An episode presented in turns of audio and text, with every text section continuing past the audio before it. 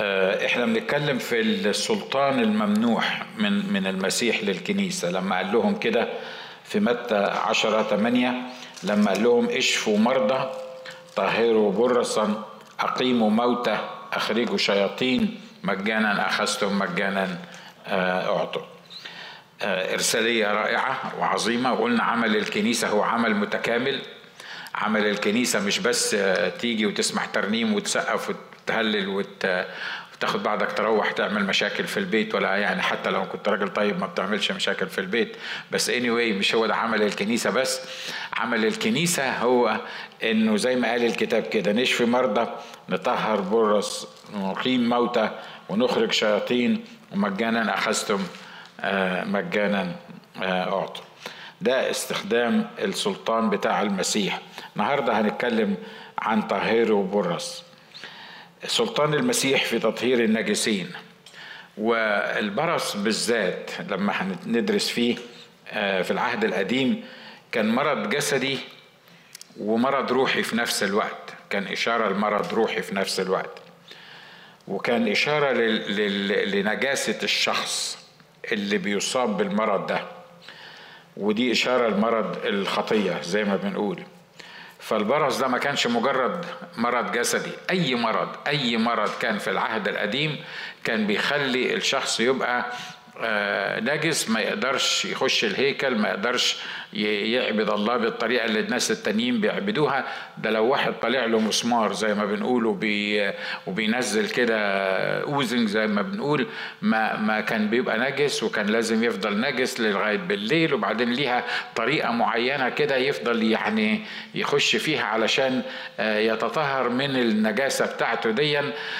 لو واحد من غير قصد ماشي جنب بسة ميتة ولمسها كان يبقى نجس للمساء.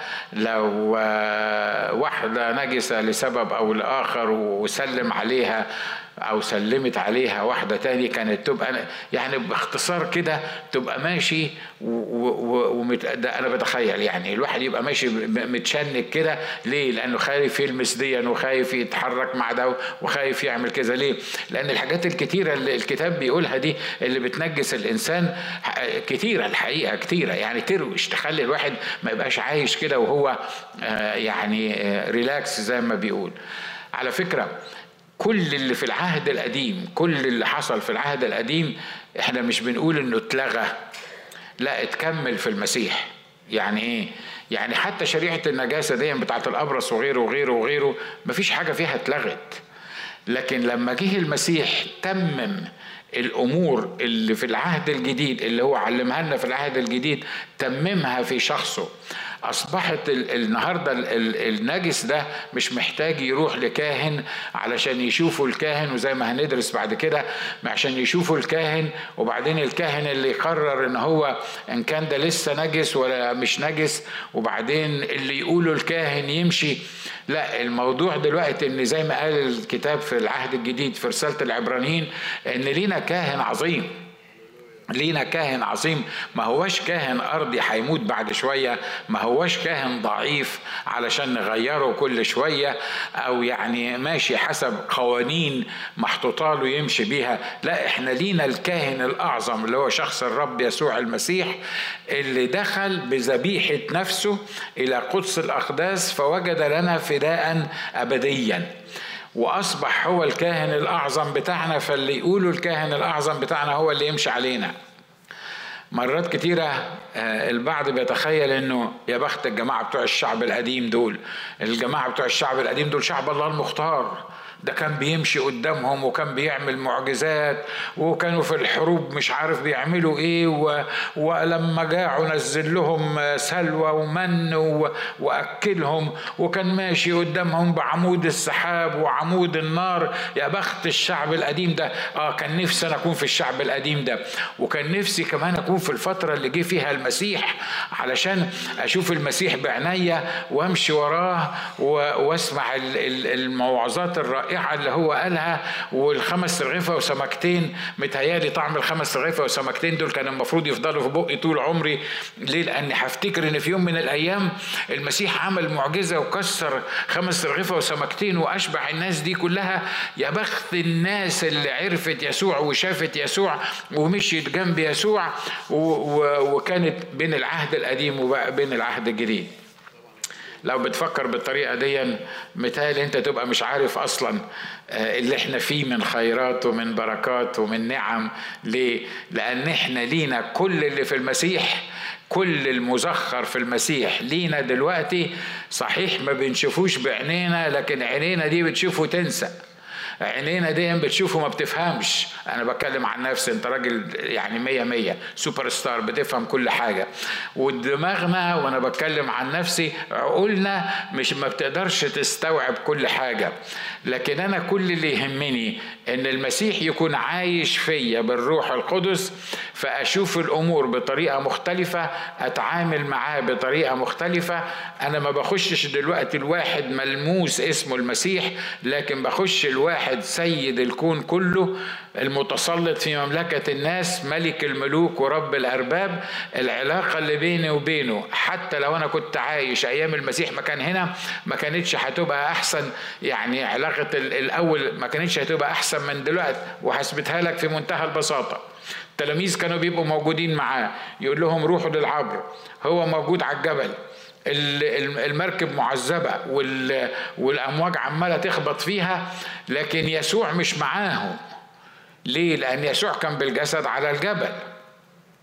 علشان يسوع يروح لهم كان لازم يمشي على المية ويروح هناك وحب يعمل لهم الاختبار وده مش الموضوع بتاعنا. حب يعمل لهم الاختبار وحب يتجاوزهم يبان كده إن هو هيتجاوزهم. فصرخوا وعملوا هليلة كبيرة جدا. لكن أنا يسوع بالنسبة لي ما هوش قاعد على الجبل بيصلي ده يسوع جوايا وجواك والمسيح فيكم رجاء المجد. أنت مش محتاج تروح تحج البيت هناك في أورشليم عشان تتقابل مع الله وعلشان تقدم ذبيحة. هو موجود معاك ليل ونهار. يا بخت المؤمنين اللي عايشين في العهد الجديد اللي هو أنا وأنتم. بص اللي جنبك قول له يا بختك إنك أنت في العهد الجديد. واحدة من الحاجات اللي, اللي الرب قالها لهم قال لهم اعملوا إيه؟ قال لهم اشفوا مرضى طهروا برص. وكلم الرب موسى وهارون قائلا خلي بالكم البرص ده كان إيه في إذا كان إنسان في جلد جسده ناتئ أو قباء أو لمعة تصير في جلد جسده ضربة برص يؤتى به إلى هارون الكاهن أو إلى أحد بنيه الكهنة. فإن رأى الكاهن الضربة في جلد الجسد وفي الضربة شعر قد ابيض ومنظر الضربة أعمق من جلد جسده فهي ضربة برص فمتى رآه الكاهن يحكم بنجاسته. يعني ال ال ال فكروا معايا كده. دلوقتي واحد مريض. إيه علاقة المرض بالنجاسة؟ إن هو ده نجس. وطبعا لما يبقى نجس زي ما قلت لكم ما ينفعش يروح يصلي. ما ينفعش. وده اللي الجماعة واخدينه عن عن العهد القديم. آه، اللي مش متوضي ما يروحش يصلي. ومش عايز أحكي في موضوعات يعني ما أنتوا عارفين يعني مش كل حد يقدر يروح يصلي في أي وقت. ليه؟ لأن لسه بيبصوا للجسد، لسه بيبصوا للحاجة اللي طالعة، كله متاخد بطريقة أو بأخرى بطريقة شيطانية من من الكتاب. هنا بي هنا بيقول لهم دلوقتي واحد عنده دمل مسمار زي ما أنتوا بتقول. أنا صحيت الصبح لقيت عندي مسمار. مسمار ده بال بال بالعراقي يعني دمل زي ما إحنا بنقول بالمصري بس عشان عشان الكل يبقى فاهمنا إحنا بنقول إيه. طب أنا أنا أنا ذنبي إيه إن أنا طلع لي دمل؟ ذنبي إيه؟ أنا أنا صحيت الصبح لقيت في إيدي دمل أو لقيت عيني مثلا بت مش عارف بتعمل إيه. أنا إيه ذنبي؟ أنا إيه اللي عملته غلط؟ أنا ليه الله يحكم بنجاستي؟ ليه أنا لما يبقى عندي دمل ما أقدرش أروح الهيكل؟ ما أقدرش أروح آه، آه، أشترك في في العبادة. ليه ليه ليه ليه ليه؟ حد حد بس يعني إيه تقول لي طب هو ربنا ده هو ربنا اللي قال كده. هو ربنا قاعد يتسلى يعني آه، من فوق كده قاعد يقول لك ده أبرص وده عنده دمل وده مش عارف طالع له شعراية بيضة مش عارف فين وده مش عارف إيه وده يبقى نجس وده يبقى مش مش نجس. هو هو إيه القصة من وراء الموضوع اللي إحنا بنتكلم فيه؟ القصة في منتهى البساطة. الرب عايز يقول كده إن كل ما يتعلق بالجسد أو ينتج عن الجسد لأن هذا الجسد فاسد بالاسم صورت وبالخطية حبلت بي أمي. لأن هذا الجسد فاسد فكل ما يتعلق بهذا الجسد بشكل أو بآخر يبقى فاسد. والفاسد قدام الله ما ينفعش يتقرب من الله لأنه فاسد. تقول لي هذا المصيبة. يعني كلنا فاسدين وكده ما ننفعش نتقرب من الله. عشان كده جه المسيح مخصوص وخد شكل جسد تواضعنا من غير فساد من غير خطية مجرب في كل شيء مثلنا بلا خطية. فخد شكل جسد تواضعنا وحمل هو خطايانا في جسده على الخشبة علشان يبقى هو رئيس الكهنة اللي إحنا نقدر نجيله في أي وقت. مش عشان يحكم بنجاستنا لا ده عشان يحكم بطهارتنا. واضح اللي إحنا عايزين نقوله مش كده؟ الراجل بتاع رئيس الكهنة ده بتاع العهد القديم ما كانش يقدر يحكم بطهارة الشخص إلا وفقا للمكتوب وفقا للكتاب قايل له تعمل إيه بالظبط. يعني ما يقدرش هو من نفسه كده يشوف واحد فيه خطية أو يعني فيه أي حاجة جسدية ويقول إن لا ده خلاص ده اصله راجل طيب وغلبان وخطية هنقول عنده برص. وبعدين لما تعرف الشريعة بتاعت الأبرص هتعمل إيه؟ يعني بهدلة بصراحة يعني. فما يقدرش الكاهن على فكرة لا الكاهن بتاع العهد القديم ولا يسوع المسيح الكاهن بتاع العهد الجديد ما يقدرش يبص له كده ويقول خطية أصله هو يعني يعني آه، ذنبه إيه؟ فخلينا بس يعني نمشيها له المرة دي. ولا الرب يسوع يقدر يعمل كده. لكن الفرق بين الكاهن بتاع العهد القديم والكاهن بتاع العهد الجديد الكاهن بتاع العهد القديم ما يعرفش يحكم إلا بنجاستي. لما يشوف النجاسة دي ما يقدرش يطهرني منها. ما يقدرش يعمل حاجة يخلي يخلي النجاسة بتاعتي دي أخلص منها ما يقدرش.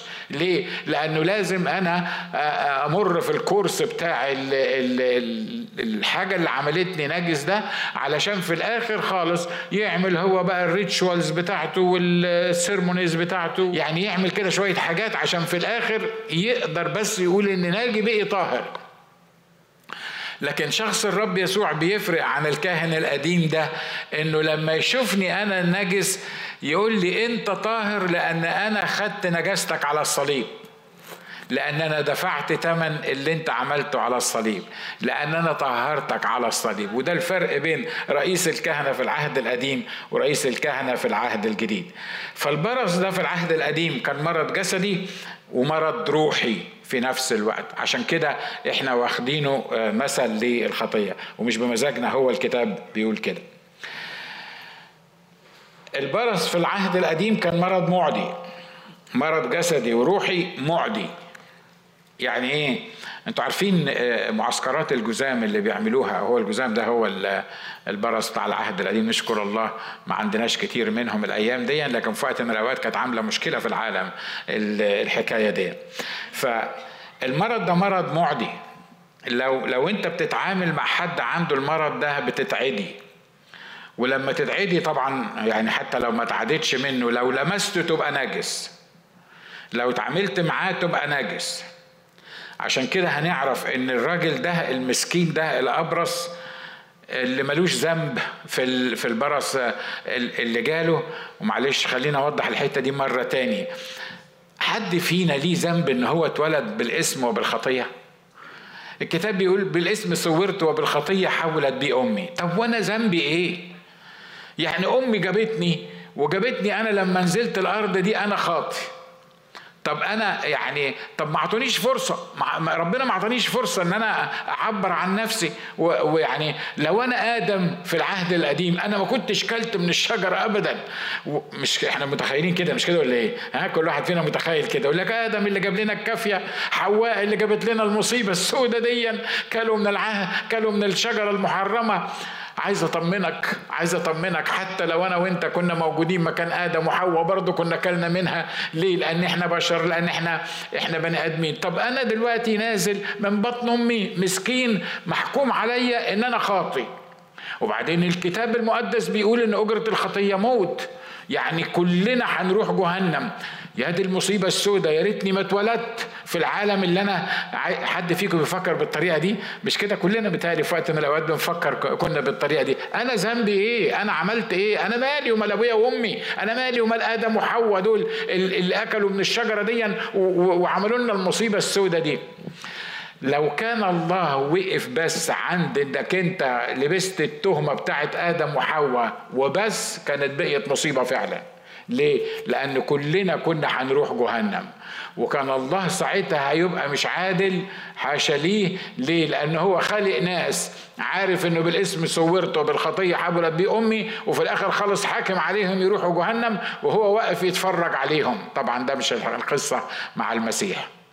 لكن اللي حصل اللي حصل لما الآن كلنا الجميع زاغ وفسدوا لما يقول الجميع لا في قديس ولا في آه، مش عارف مين الجميع كل اللي اتولد من آدم وحواء لغاية آخر واحد بما فيهم أنا وأنت فاسدين وإحنا ما نستحقش غير جهنم إن إحنا نروح جهنم النار.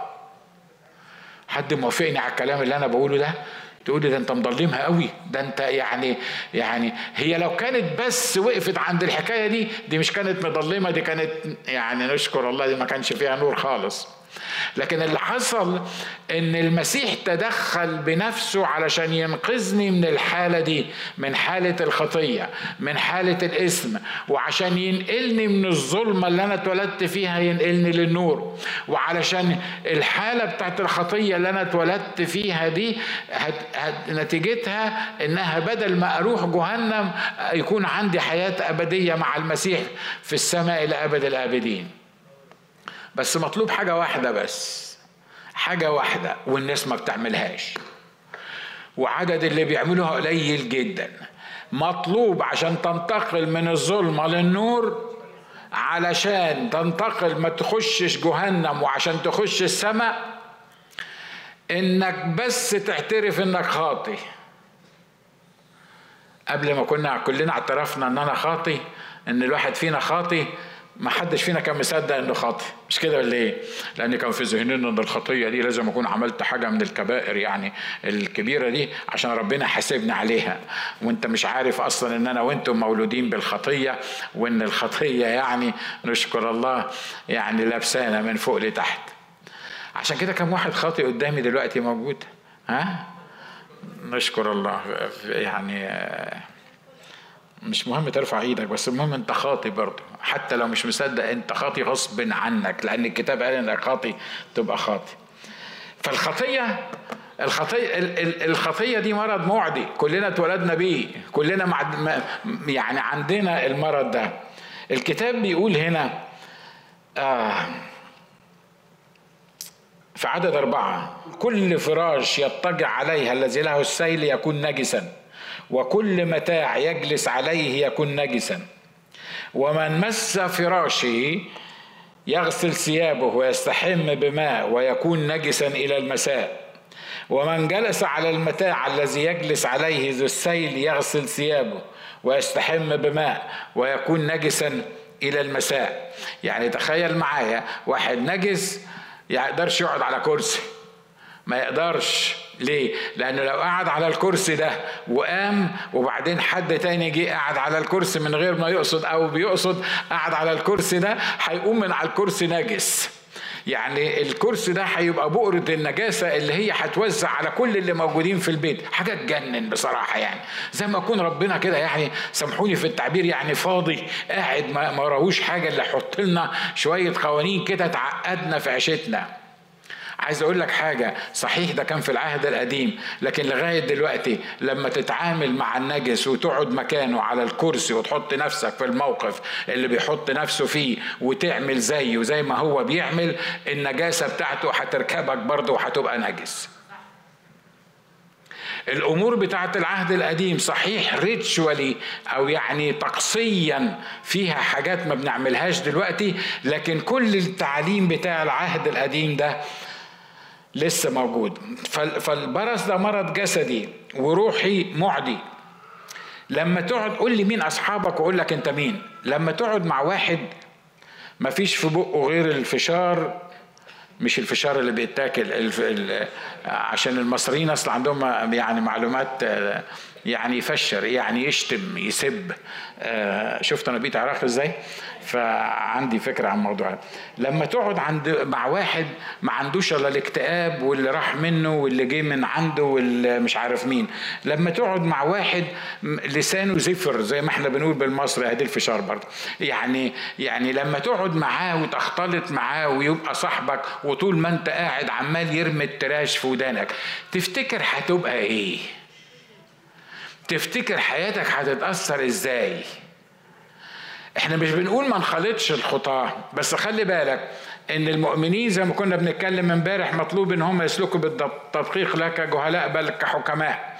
المؤمنين لازم في نهاية اليوم يروح يغسل نفسه يروح يستحمى.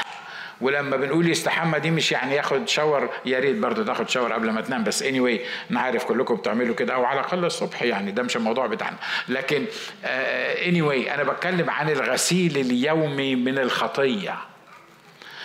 نقول تاني لما الرب حب يغسل رجلين بطرس بطرس استكتر على الحكاية دي. الرب يغسل رجليا؟ معقولة المسيح يغسل رجليا؟ معقولة؟ لا يا رب مستحيل. قال له مستحيل تغسل رجلي قال له لو كنت اغسلك ليس لك معي نصيب. فقال له إيه؟ قال له اغسلني كلي. إيه، حميني اديني شاور. لا أنا نصيب ده أنا لازم أكون معاك. قال له الذي اغتسل ليس له حاجة إلا إلى غسل إيه؟ إلا إلى غسل رجليه. يعني إيه القصة دي؟ يعني إيه القصة دي؟ يعني القصة اللي عرف يسوع مخلص شخص لحياته ويسوع عايش فيه وهو ماشي في العالم بيتلطف حاجات كتيرة رجليه بتتوسخ. فالمفروض إن هو بالليل قبل ما ينام ما ينامش برجلين وسخة. آه، آه، متهيألي كلنا كان لما كنت كنا أطفال كانوا بيقولوا لنا كده مش كده؟ تلعب بره في الشارع في الطين وحاجات من كده وتيجي الوالدة هتطلع على السرير ولا على الشرباية تبوظه تذبحك مش كده؟ ليه؟ لأنه هو اسمها كده صح؟ ها؟ آه يعني تذبحك ليه تروح تغسل رجليك الأول؟ ليه؟ لأنك أنت ماشي في الشارع وعمال منيل الدنيا في في الوحلة اللي موجودة في الشارع. يبقى ما ينفعش تطلع على على السرير ما ينفعش تنام بالطريقة دي.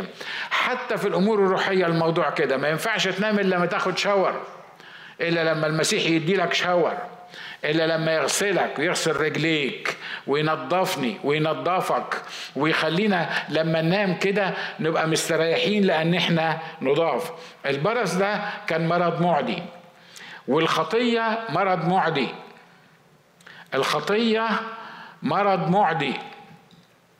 تقول لي أنا اتجددت أنا عرفت يسوع مخلص شخص لحياتي لا شيء من الدينونة علي لأننا في المسيح يسوع. بس خلي بالك بقى الآية بتقول إيه؟ السالكين. ليس حسب الجسد بل حسب إيه؟ بل حسب الروح. يعني الذين هم في المسيح يسوع ما يقدروش يمشوا حسب الجسد. وأنا عارف كلنا بنقع وكلنا بنغلط واول ما يمشي اول ما يبتدي يحس انه ماشي حسب الجسد تلاقيه مش قادر يستريح مش قادر يعيش في الموضوع ده. ليه؟ لأنه هو مولود ثانية لأنه ما ينفعش إنه يعيش حسب الجسد. لما تقعد مع الخطاة وتصاحب صاحب الخطاة أنت في آخر اليوم هتتوسخ. تقول لي يعني أروح أحط نفسي كده في فاترينا بعيد عن الناس كلها ولا أنا إيه؟ طب أنا أنا أنا يعني في الكنيسة مصاحب الناس الجميلة دي المؤمنين. طب في الشغل؟ أنا أجيبهم منين بقى المؤمنين اللي موجودين في الشغل؟ طبعا زي ما قال الكتاب إن المخالطة مع الناس دي مش مش كده يعني مش مجرد إنك تتعامل معاهم. أنا بتكلم عن عشرة بين خاطي وبين مؤمن. أنا بتكلم عن واحد حاطط نفسه في شلة أنس. عارفين طبعا شلة الأنس دي أنا بتكلم عن واحد آه، العلاقات بتاعته كلها مع الخطاة ومع مع الأشرار. وعلى فكرة في مؤمنين كده ها؟ في مؤمنين كده. وبعدين يقول لك إيه؟ عشان نجيبهم للمسيح. إحنا عشان إحنا بنعمل كل ده عشان نجيبهم. لا مش هتجيبهم للمسيح. هم مش هيقدروا يودوك لجهنم. لأنك أنت لو في المسيح يبقى أنت فلتت من الموضوع ده. لكن أنت مش هتقدر تجيبهم للمسيح لما تنزل في الحفرة اللي هم موجودين فيها وده دي بيت كبير بيعملوه المؤمنين. زمان زمان زمان زمان لما كنت طالب في الكلية جت واحدة زميلتي قالت لي أنا عايز أسألك سؤال. قلت لها قالت لي فلان اللي معانا في الكلية أنا دعيته للكنيسة. فهو قال لي شوفي تيجي معايا السيمه أجي معاك الكنيسة. فير مش كده ولا إيه؟ طب وأنت عايزة تعملي إيه؟ يعني أنت بتفكري إيه؟ قالت لي أنا بصراحة بعمل أي حاجة عشان يجي معايا الكنيسة. قلت لها يعني ناوية باختصار تعمل إيه؟ قالت لي أروح مع السيما. طبعا السيما ما هياش السيما بتاعت الأيام دي. آه، هي اني anyway حتى حتى الأيام دي ما فيهاش حاجة عدلة. مش كده ولا إيه؟ ولا حتى التلفزيون. اني anyway ده مش الموضوع بتاعنا. بس بس السيما على أيامنا كان لا يدخلها إلا الفاسقون. في ال في ال في الأيام اللي إحنا كنا آه، عايشين فيها لما كنت شباب يعني آه، قدكم. وبعدين قلت أنت بتتكلمي جد؟ واحدة واحدة فعلا مؤمنة كانت حلوة يعني. فقول لها أنت بتتكلمي جد؟ قالت لي آه. قلت لها يعني أنت هتاخدي الواد اللي معانا في الكلية وتروحي به السيما علشان المرة الجاية يروح لك الكنيسة قالت لي قلت لها أنا أوعدك أنت هتروح السيما وبعدين هقول لك طب تعالي مرة التانية عشان أروح مرتين الكنيسة. بعد تالت مرة هتقولي له تعالى إحنا نروح السيما وسيبك من الكنيسة. واضح اللي أنا عايز أقوله. الخطية معدية يا إخوة أخوات. الخطية مرض معدي. البرص ده ده مرض معدي. علشان كده إنجاز التعبير. أسوأ ما في المؤمنين أنتوا معايا؟ مفيش يعني مش عايز أقول على مؤمن سيء يعني بس أسوأ ما في المؤمنين أحسن من أحسن واحد خاطي ممكن تتعامل معاه. ما بقولكش ما تشتغلش معاه في الشغل وإلا هتروح تحبس نفسك في بيتكم ما بقولكش ما تتكلمش معاه وإلا مش هتقدم له رسالة المسيح. لكن بقول لك ما تخليش العشرة الكتاب بيقول أي خلطة للبر مع الاسم أي خلطة للظلمة مع النور. أي خلطة من المسيح مع بلعال. ما يبقاش أصحابك والناس اللي أنت عايش في وسطيهم والناس اللي بتتونس معاهم والناس اللي ما تقدرش تعدي يوم من غير ما تشوفهم. كلهم الناس اللي بيملوا دماغك ودانك وحتى الشم اللي أنت بتشمه بتشمه مع ناس زي كده هتكون النتيجة إنك مهما كنت مؤمن ومغسول بدم الرب يسوع المسيح أؤكد لك إنك في يوم من الأيام هترتد ولازم تصحى من النوم اللي انت موجود فيه وترجع لأحضان المسيح مرة تانية. آمين؟ فالبرص ده مرض إيه؟ مرض معدي. أنتوا عارفين إن البرص ودي حاجة دي حاجة طبية مش حاجة كتابية يعني. مرض الجسد ده البرص ده بياكل في الأعضاء. بياكل بياكل في الأعضاء. بي لما تشوفه كده بعد شوية من المرض تلاقي الصوابع بتقع. يعني صوابعه من ال من ال بتاع صوابع رجليه وايديه بتبتدي الصوابع تقع لحمه نفسه بي بيقع. بس التأثير الروحي في في الكلام ده لما تقعد مع واحد وده قلناه مش هنقوله تاني بالتفصيل لما تقعد مع واحد بالمنظر ده أو الشلة بتاعتك بالمنظر ده البرص اللي فيهم هياكل مخك. ركز معايا في اللي أنا بقوله. البرص اللي فيهم هياكل مخك لأنك هتفكر زيهم. ويا ويلك لو فكرت غيرهم. لأنك لو فكرت غيرهم هتلاقي نفسك الأقلية. مش هو ده اللي إحنا بنتعرض ليه في العالم؟ ها؟ هتلاقي نفسك الأقلية وهيجي يقول لك يعني أنت بس اللي فاهم. يعني أنت بس بتاع ربنا. يعني أنت بس وتحسسك الواحد فيهم إن أنت حد بيحصل معاك الكلام ده؟ أو يعني حد جربه في حياته. مش كده برضو؟ وتلاقي نفسك هي شمة بس بالنسبة للشباب هي شمة عارفين اللي بيسموه ال peer, pressure لما لما مجموعة الناس اللي حواليك يكونوا بيعملوا حاجة معينة وخصوصا إحنا الرجالة طبعا آه، لما كنا صغيرين كنا فاكرين إن الرجولة إن بيشربوا سجاير تشرب سجاير. بي مش عارف بيعملوا إيه تعمل زيهم. مش ع... كده يعني مش عايزين نقول بقى في الحاجات اللي كنا بن... بنعملها. ليه؟ لأن المجموعة كلها بتعمل كده. لأن الناس اللي حواليا كلهم بيعملوا كده. لأن الناس اللي حواليا كلهم بيسرقوا مثلا. فأنا ما أنا ما أسرقش إزاي؟ أنا فاكر إن في يوم من الأيام لما لما تعينت جديد في قرية من القرى الدكتور البشري اللي معايا جه قال لي سألني سؤال غبي جدا.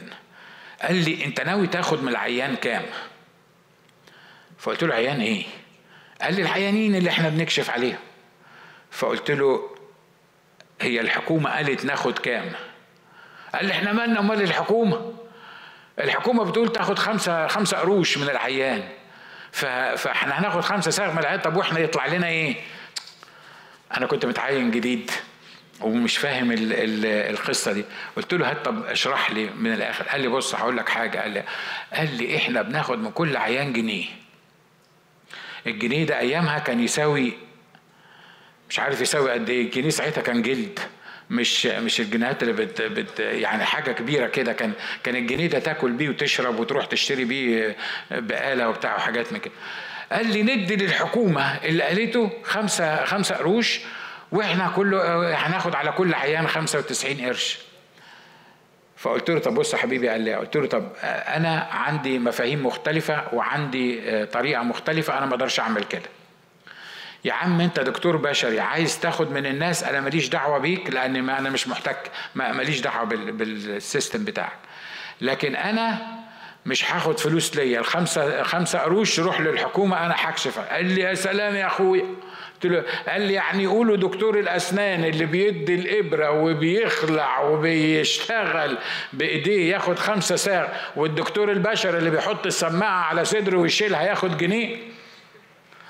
يا عم أنت مالك ومالي ما تبعد عني أنا مش عايز ال ال ال القصة دي.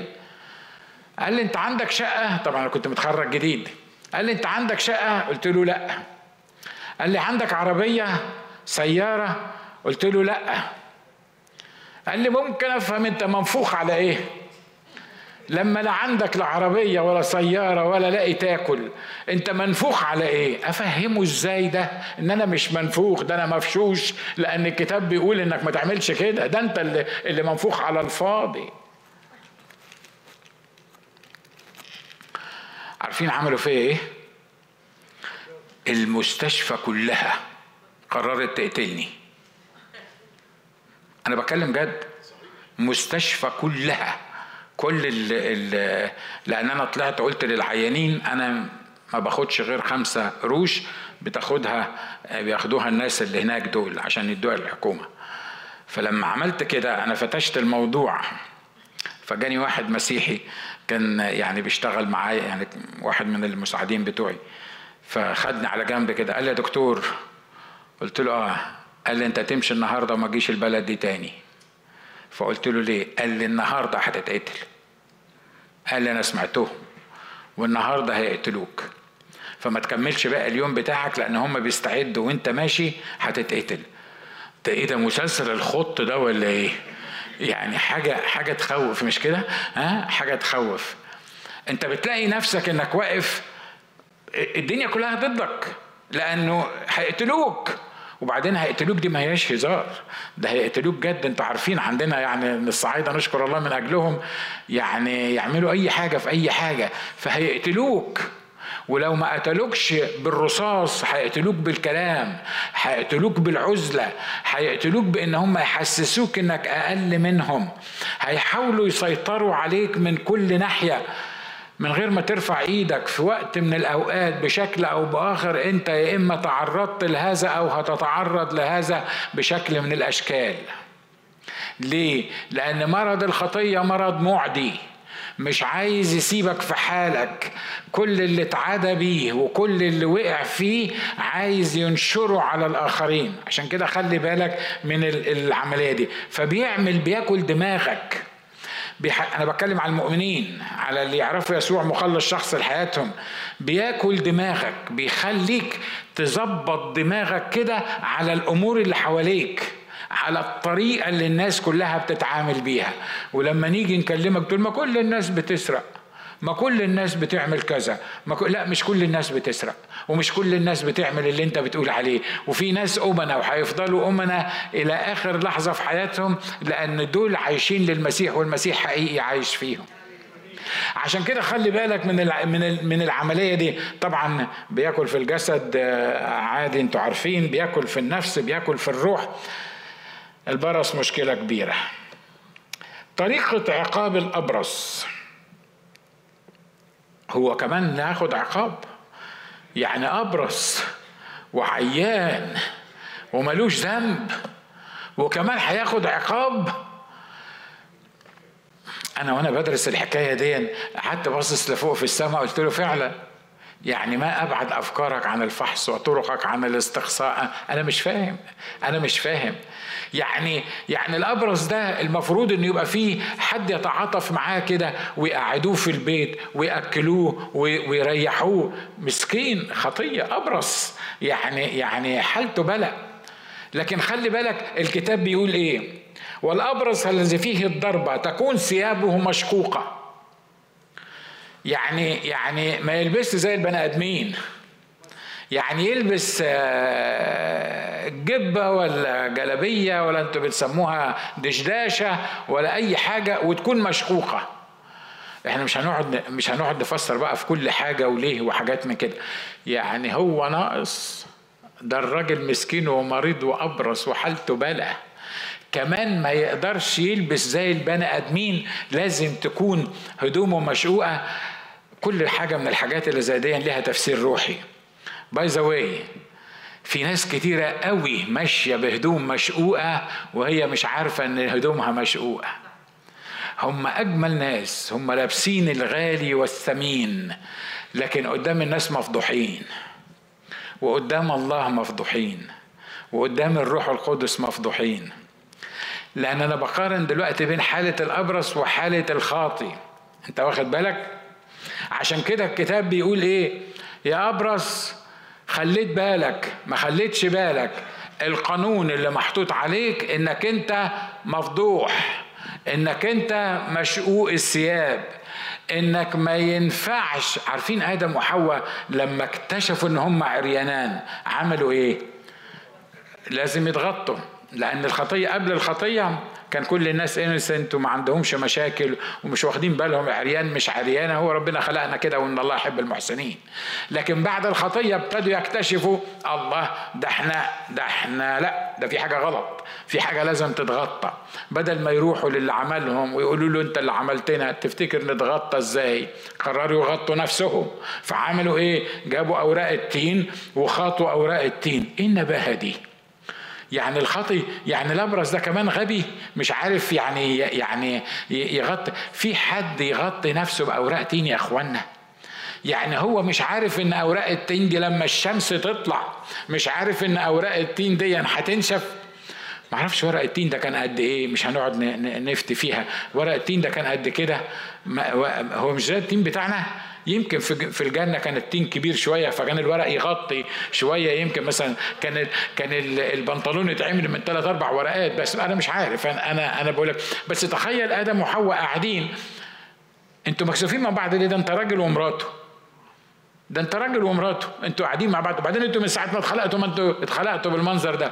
بس الخطية بتخليني أحس بالشيم جوايا. بتخليني أحس بالخجل جوايا.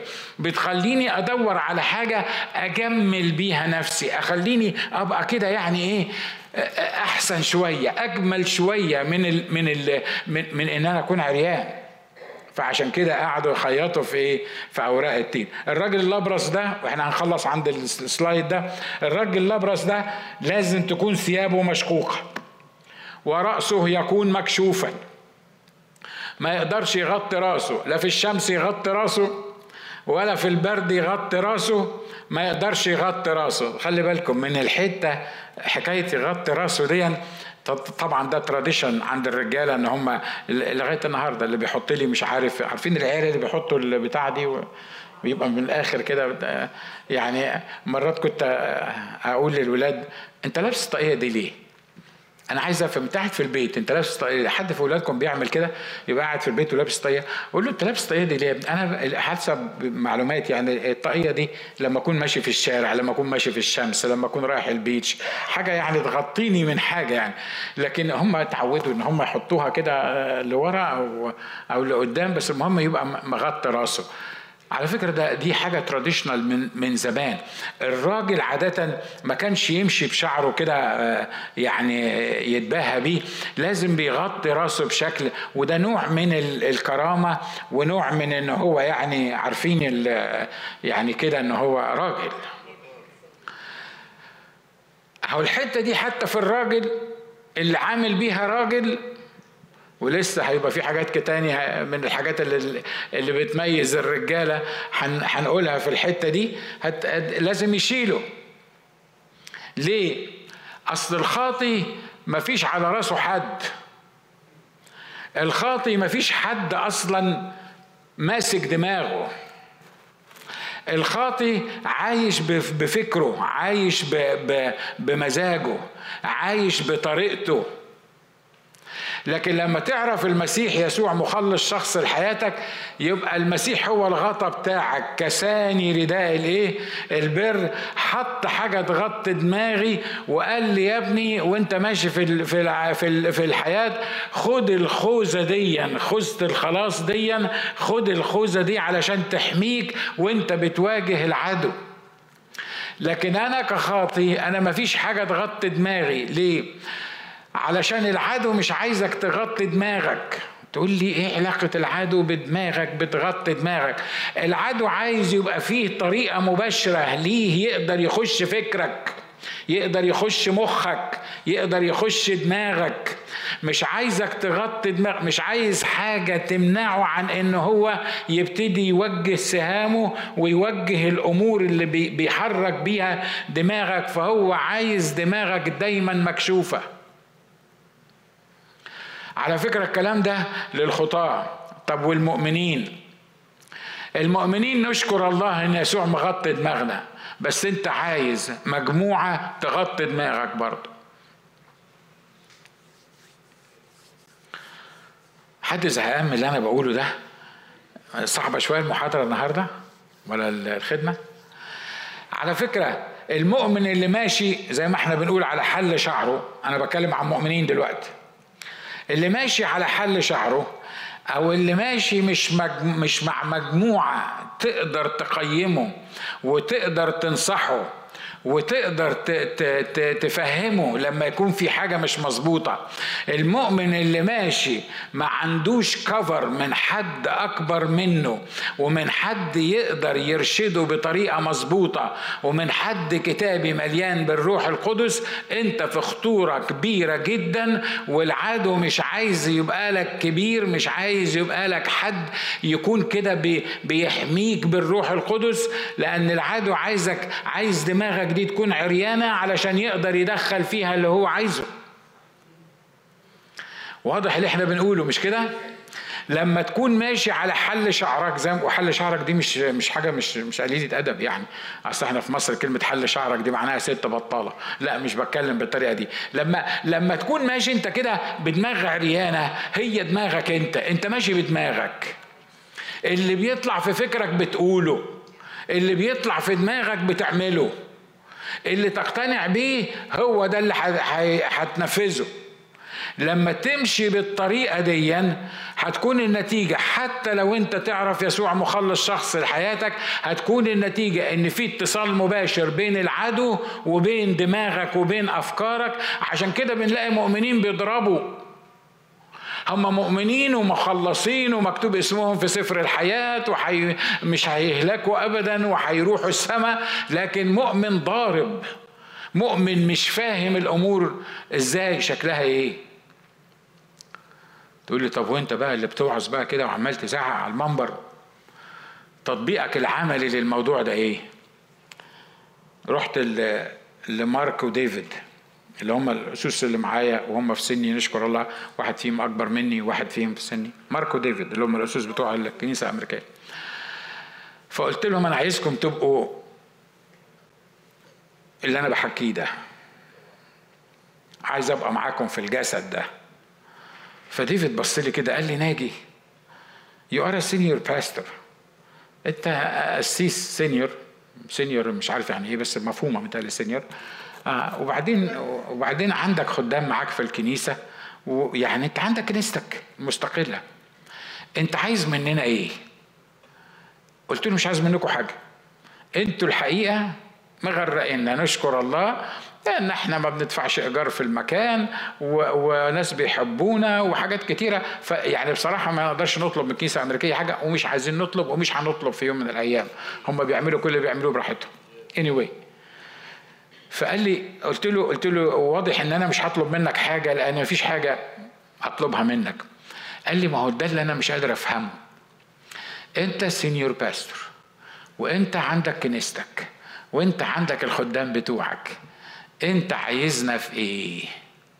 قلت له عشان عايز أبقى في جسد عشان لو في يوم من الأيام ابتديت أضرب يبقى لازم حد يكون كبير معايا في الدنيا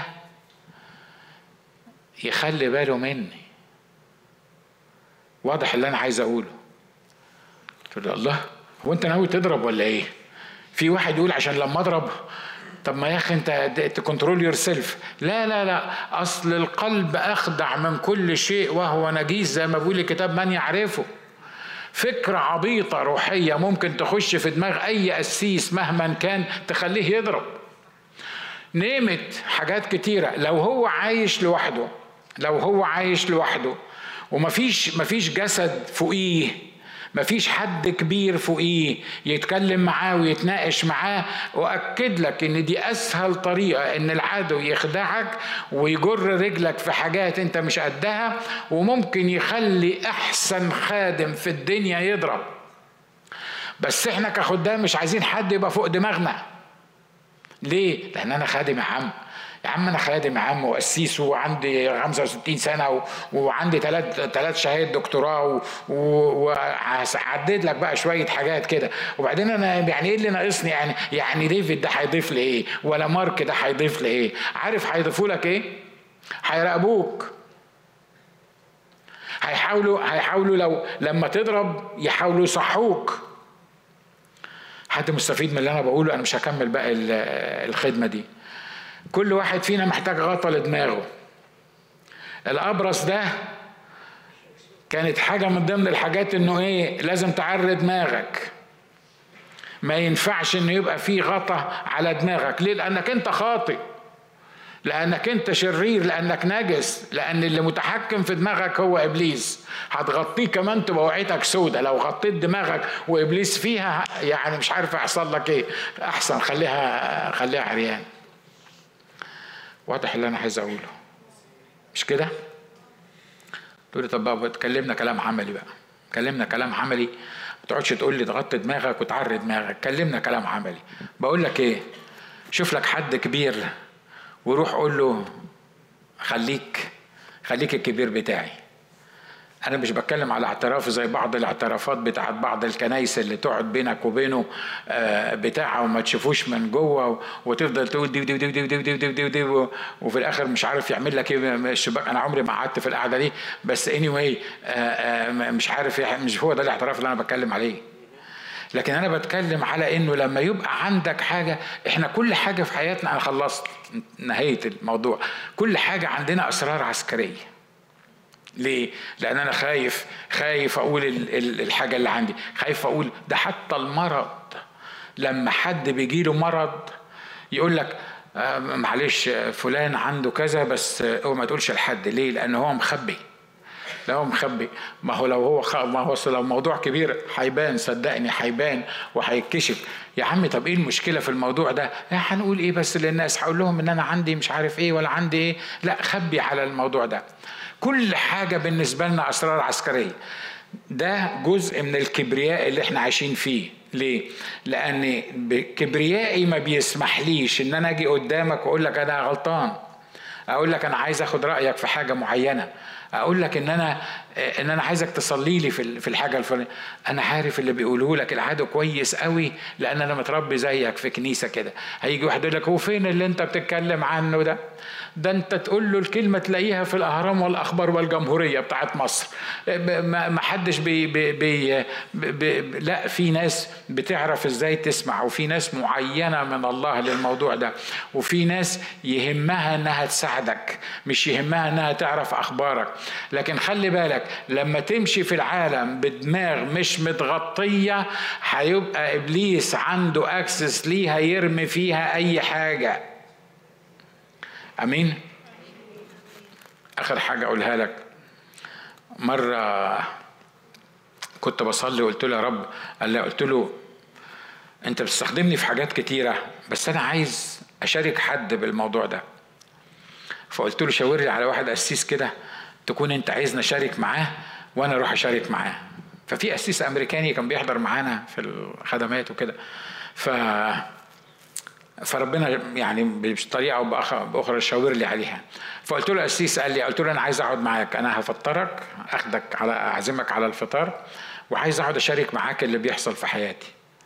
فالراجل بص لي كده وقال لي آه يعني مش عارف يقول لي إيه بعدين بيقول لي يعني يعني طب أنت عايز إيه؟ قلت له مش عايز حاجة أنا عايزك أنت. قال لي أيوه يعني القعدة هدفها إيه؟ القعدة دي هدفها إيه؟ قلت له اشاركك باللي بيحصل معايا قال لي ليه؟ ما هو أنت عشان تشاركني يبقى في حاجة هو مش قادر يتخيل إن الموضوع هي إيه؟ مشاركة يعني هو هو فاكر إن أنا هشاركه بحاجة معينة وبعدين يقول أصل أنا محتاج الحاجة الفلانية أو أعمل معايا الحاجة الفلانية فقلت له لا أنا مش محتاج حاجة ولا ولا ولا مش محتاج حاجة منك أنا محتاج أشاركك فالراجل هيعمل إيه؟ امره لله. وأنا طبعا خلاص قلت له حاجات من كده. فقال لي أعطاني ميعاد إن أنا أروح. أول ما قعدنا في الميعاد قال لي أنت تعرف؟ قلت له قال لي بصراحة أنا ومراتي قبل ما نيجي لمدة نص ساعة عمالين نقول هو ديفيد عايز مننا إيه؟ هو ليه بيقول إن هو عايز يشاركني؟ ليه عايز يقول لي اللي عنده؟ أنتوا واخدين بالكم اللي أنا عايز أقوله؟ لأن إحنا مش متعودين على الحكاية دي. لا أنا متعود أشارك ولا الناس متعودة تسمع المشاركة بتاعتي. فعشان كده لما حد بيقول للتاني أشاركك بيقول آه عايز مني إيه؟ بالظبط. ما هو مش هيشاركني لوجه الله. يعني هيشاركني علشان يقول لي على احتياج ولا يقول لي مش عارف مين. يا إخوة أخوات لما يبقى كل حاجة عندك أسرار عسكرية وتبقى دماغك مقفولة وما عندكش استعداد تشارك الآخرين هتكون النتيجة إنك هتضل ولما تضل مش هتلاقي حد يفوقك وحد يرجعك وإبليس هيلعبك وبعد ما يلعبك هتضطر تيجي برضه هتشارك بشكل أو بآخر وربنا ما يحطكش في المواقف اللي أنا بتكلم عليها حد استفاد النهارده من الكلام اللي أنا بقوله ده؟ أتمنى إنك تكون استفدت. إحني راسك معايا وقول يا رب أنت عايز أنهي جزء تخليني أتعامل معاه وأتكلم فيه. خلي بالك إن الأبرز لازم يمشي مشقوق الثياب وراسه يكون مكشوف. قول يا رب أنا عايز حماية منك. أنا عايز حماية منك لراسي. أنا عايز حماية منك لتفكيري. الكتاب بيقول عننا كأشرار في القديم إن كنا عاملين مشيئات الجسد والأفكار.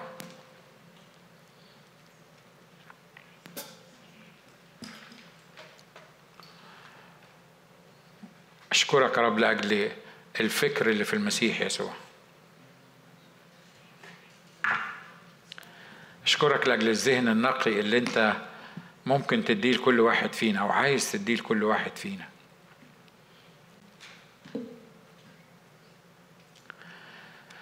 مش عارف إزاي نشكرك لأنك أنقذتنا من هذا المرض الخطير اللعين البرص.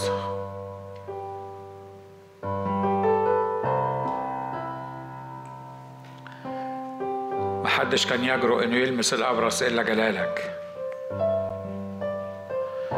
كل واحد لمس الأبرص تنجس. لكن أنت لما لبست الأبرص طهرته. الحل فيك أنت وحدك. الحل فيك أنت وحدك. حتى كاهن العهد القديم ما كانش يقدر يلمس الإنسان الأبرص وإلا كان الكاهن نفسه تنجس. لكن أشكرك لأنك كاهن العهد الجديد. أشكرك لأنك رئيس كهنة العهد الجديد. مفيش حاجة ممكن تنجسك لكن أنت اللي بتطهر.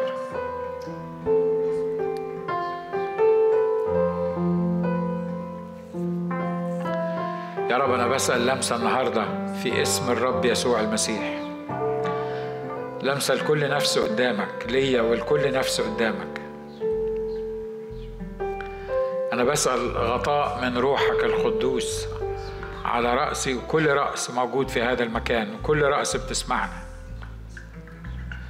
عشان ما يقدرش العدو يخترق هذا الحاجز اللي بتحطه علينا.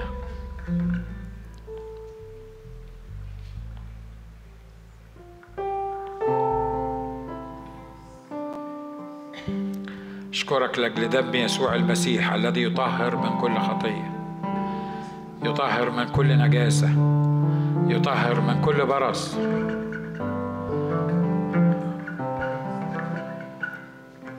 يا روح الله بسأل الآن إنك تتعامل مع القلوب. كل قلب يحتاج إلى تطهير. كل عقل ونفس تحتاج إلى تطهير. كل جسد يحتاج إلى تطهير. المس لمساتك المطهرة في هذا الصباح.